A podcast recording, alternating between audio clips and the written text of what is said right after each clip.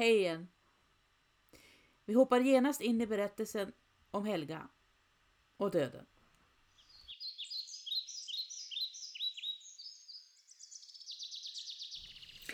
Rackarungen kommer springande igen. Helga sitter fortfarande på bron när hon får syn på honom. Han hejdar sig en aning, men tar sedan ny fart och rusar rakt mot huset.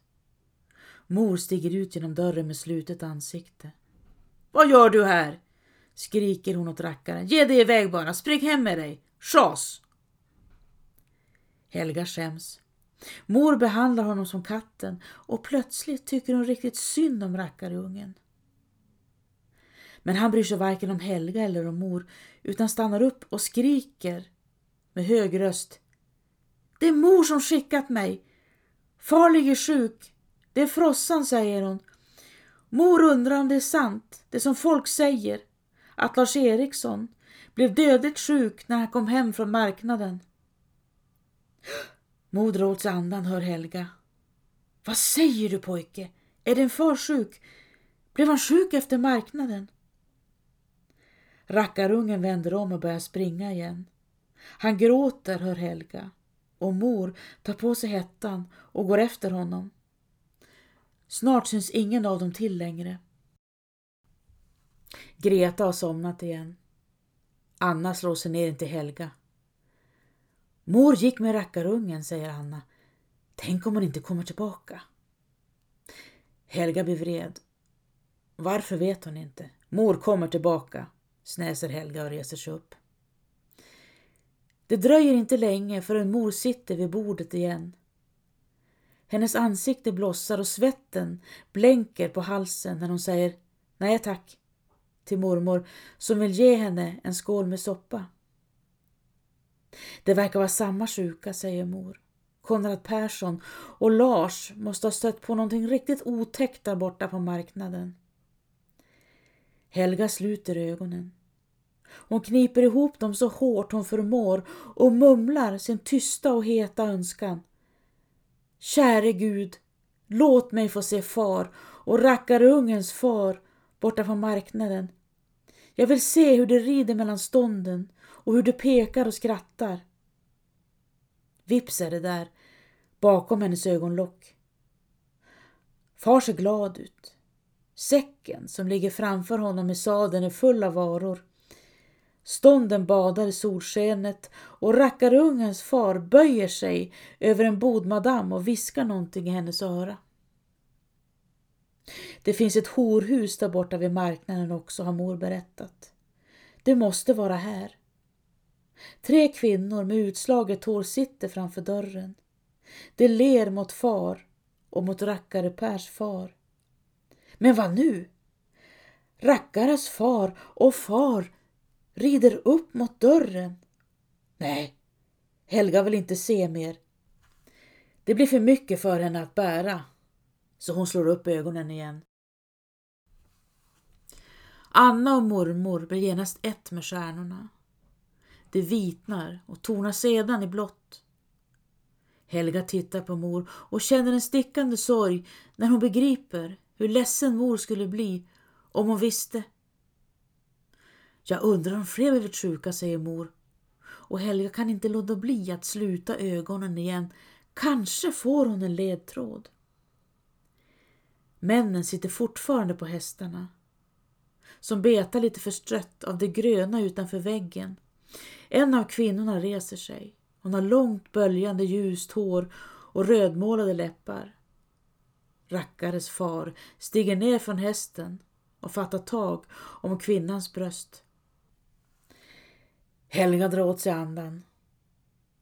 Han nafsar efter hennes läppar och sticker in handen under klänningen.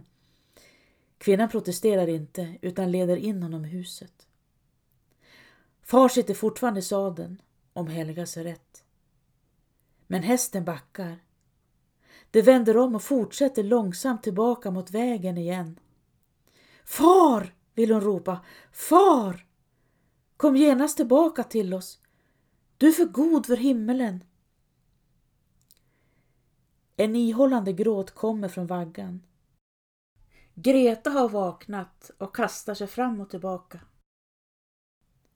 Anna reser sig från bordet och går bort till henne.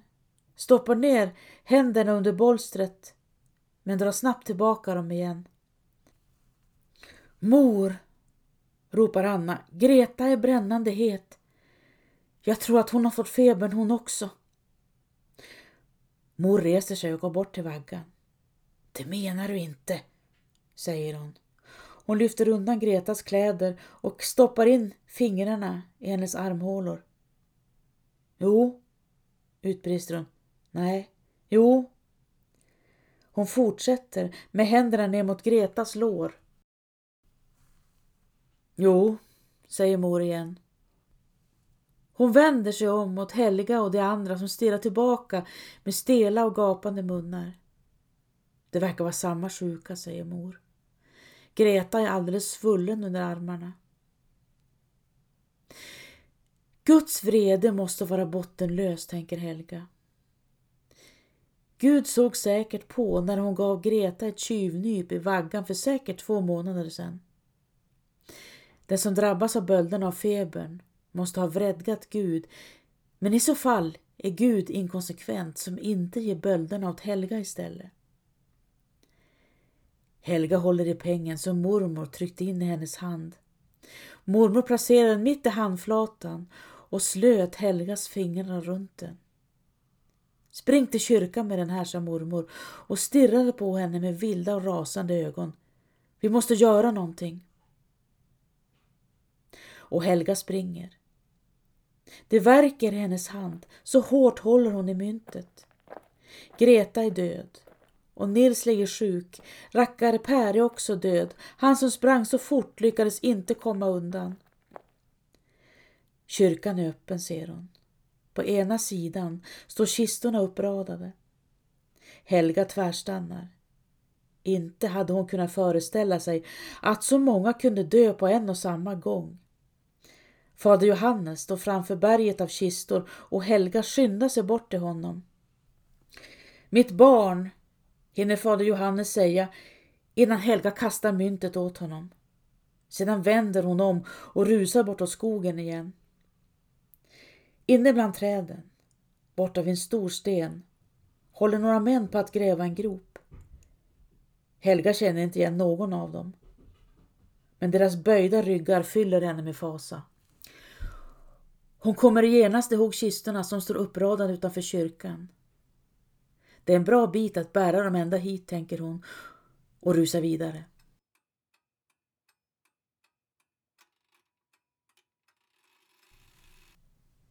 Mormor är död. Anna är död. Nils är död. Erik är död. Det är bara Helga och mor kvar nu. Du får inte lämna gården, förmanar mor henne. Och om du möter en främmande kvinna, en liten krum gumma, måste du genast rusa därifrån. Varför det? frågar Helga. Det kan vara sjukdomen, viskar mor. Den som har sett sjukdomen påstår att den ser ut som en böjd gammal gumma. Helga stänger ögonen och trycker knogarna mot ögonlocken. Kom gumma, så får jag se på dig, uppmanar hon tyst. Men bakom ögonlocken dyker först de vanliga stjärnorna upp som sedan blir stora och blå. Mor, vad ska vi ta oss till? frågar Helga och ser att brödstången nästan är tom. Ja, Helga, om jag det visste, svarar mor. Det här måste vara världens undergång. Helga vaknar av att mor rör sig borta i bädden. Hon jämrar sig. Helga! väser mor. Spring! Spring så långt du kan, spring så fort du kan. Rädda dig! Rädda dig min kära dotter. Helga närmar sig bädden. Mor är blåsvart i ansiktet ser det ut som. Och det rinner blod från hennes mun. Nej, tänker hon. Nej, nej. Helga backar några steg och slår sedan händerna för ögonen. Mor liknar en gammal gumma. Det är sjukdomen som spelar Helga ett spratt. Den har gömt sig i mor och Helga måste ut härifrån. Jag kommer tillbaka mor, ropar Helga och rusar ut genom dörren. Nej, hör hon mors röst. Rädda dig, min dotter, rädda dig. Regnet strilar ner i Helgas ansikte. Det är ett milt och vänligt sommarregn och Helga springer så fort hennes ben förmår bära henne. Dörrarna till rackare Pers stuga står på vid gavel. Det är alldeles på tok, förstår Helga, men hon måste skynda sig. Mor, du får inte dö, kvider hon. Helga hoppar över Gud och vänder sig direkt till mor. Ja, hon till och med duar mor. Mor, du måste leva, hör du vad jag säger? Du får inte dö. Och hennes bröstkorg drar ihop sig av gråt. Medan hon springer och springer och springer. Skogen verkar lika tom som ödehusen blev fler just denna sommar av Guds förbannelse. I samma stund går en stark vind genom blåbärsriset. Inte bara en, utan två stora kråkor kraxar ovanför hennes huvud. De cirkulerar i luften och spanar ner mot marken. Det måste betyda död. Helga vet hur död luktar, en söt genomträngande stank, precis som jorden pyser nu. Kyrkoherden, fader Johannes, sitter på en stol utanför kyrkan. Helga känner knappt igen honom. Han har blivit så gammal under de få dagar sedan han tog emot pengen som mormor tryckte in i hennes svettiga handflata. Nu lovprisar han inte Gud, utan fader Johannes är inte ens vänlig när han uppmanar Helga att springa hem igen. Men mor är illa sjuk, får Helga ur sig. Det är vi alla, svarar fader Johannes. Nu är det inte lång tid kvar. Spring hem till din mor. Kanske hinner du innan jorden går under. Håll din mor i handen så känns det lite lättare. Jag sitter här och väntar. Fader Johannes lägger handen på hennes panna. Helga rycker till. Kyrkoherdens hand är brännande het och när hon vänder blicken mot honom ser hon en svart fläck i hans ansikte. Kyrkoherden skiftar skepnad. Helga ser det tydligt, trots att hucklet saknas. Med ens liknar kyrkoherden en krum liten gumma. Så där ja, Helga Larsdotter. Nu har jag dig också. Helga kastar sig bakåt. Hon vänder sig om och börjar springa, bort mot skogsbrynet. Fortare morrar hon. Sjukdomen har redan kopplat ett grepp om henne. I bästa fall hinner hon hem till mor. Helga springer allt hon förmår och ropar åt Gud. Till vem skulle vi gå om inte till er Gud? Hon vänder ansiktet upp mot skyn och skriker Gud! Helga stannar och väntar. Hon trycker fingrarna mot ögonlocken och inom kort framträder de vanliga stjärnorna innan de övergår i det stora och blå. Stjärnorna lyser upp hennes inre himmel. Men var är Gud? Han svarar inte nu heller när Helga ropar efter honom, utan tiger som vanligt. Pissgud! skriker Helga. Sen ångrar hon sig. Där är huset. Där är fönstret. Helga rusar bort och slår sig ner på sin vanliga plats på höger sida om dörren. Bara en liten stund tänker hon. Bara en liten stund att samla mod innan hon måste gå in till mor som säkert både är död och kall vid det här laget. När hon vaknar igen är hon omgiven av nattens dunkel. Det är så tyst.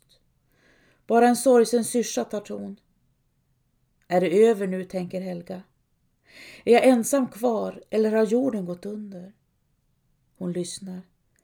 Nej, inte ett ljud, inte från något håll. Men med ens finns det någonting i tystnaden ändå. Ljudet av en röst slår ut som en vit ros i natten. Helga. Hjärtat nästan stannade i bröstet på henne. Helga, är du där? Det låter som mor. Rösten är svag och tunn men den påminner verkligen om mors. Mor! försöker Helga. Mor! Hon lyssnar utan att våga titta, utan att kunna andas. Pulsslagen. Tre, fyra, fem. Sedan är rösten där igen. Helga. Gråten kommer som från ingenstans och Helga upptäcker att hon står upp. Ja mor, här är jag! Helga rusar in i stugan. Mor ligger i sängen, blek i ansiktet. Dotter, jag tror att jag lever igenom nu, säger mor. Jag tror att gumman har vänt. Helga ser knappt för alla tårar. Helga, lilla vän, visst kan du hälla upp en skopa vatten åt mig. Jag är så törstig, fortsätter mor. Helga måste hämta vatten, rent vatten. Hon ska vädra. Jag ställer till med korsdrag, om så hela huset blåser till väders. Men mor, säger hon sedan, är det verkligen mor? Plötsligt blir Helga rädd. Men då skrattar mor. Ja, du kan titta. Det är verkligen din mor som ligger här. Helga går ut ur huset och slår sig ner på bron. Hon tittar ut över gårdsplanen. Allt ser ut som vanligt. Skogen ligger tät på ena sidan och på den andra tornar bergen upp sig. Som det alltid gjort. Ingenting verkar annorlunda och det känns både tryggt och skrämmande. Så måste Helga blinka. Men hon gör det så snabbt att ingenting ska hinna ändra sig under den snabba ögonrörelsen. Rackarungens gård står tom. Helga försöker undvika att titta men dörren svajar lite hit och dit medan den knarrar. Någon vecka senare går Helga och mor sida vid sida på stigen neråt kyrkbyn. Vem vet hur många av oss som fortfarande finns i livet? När de kommer fram till kyrkan upptäcker de att kyrkoheden, fader Johannes, också överlevt den lilla gumman. Han kommer mot dem med utsträckta armar och skiner i kapp med solen. Det är en fullmatad högsommardag. Kära barn, säger han. Titta, jag tror att världen lever igenom också. När mörkret lagt sig frodas rädslan och ensamheten. Det finns inga tända lyktor i natten, inga ord eller händer, utan på andra sidan dörren existerar bara kall tomhet. Gårdar står öde, vänner och släktingar ligger i jorden och sorgen öppnar sig likt ett bottenlöst hål. Förtvivlan tvingas ändå ge vika för det mer jordiska, maten som inte längre står på bordet, hustak som läcker, väggar som drar och det kanske mest fasansfulla av allt. Kommer det tillbaka? Redan idag? Skrönan berättar om två överlevare, en man och en kvinna, som följs åt in i framtiden. Gud skapar världen på nytt kan man säga och den här gången heter de första människorna Helga och Jonas. Helga sitter på sin vanliga plats utanför huset och blundar hårt. Men den här gången hoppas hon att världen inte finns kvar när hon öppnar ögonen igen. Så uppfattar hon ett skrapande ljud. En ung man står framför henne. Jag heter Jonas, säger han. Helga sitter där okammad och otvagad framför huset men Jonas kliver in i stugan trots att Helga är dyngig och kletig. Om det inte vore för allt elände som hänt hade det säkert aldrig mötts. Don Quixote och Sancho Panza sitter i sanden. Havets dyningar rullar in och kryper tillbaka, rullar in och kryper tillbaka. Nyp med Sancho, viskar Don Quixote. Än lever vi. År 1300 bor ungefär en miljon människor i Svea rike. Hundra år senare är siffran halverad. Du har lyssnat till andra delen om Helga och stora döden. En vit ros i natten. Skriven av mig. Tack för att du lyssnat.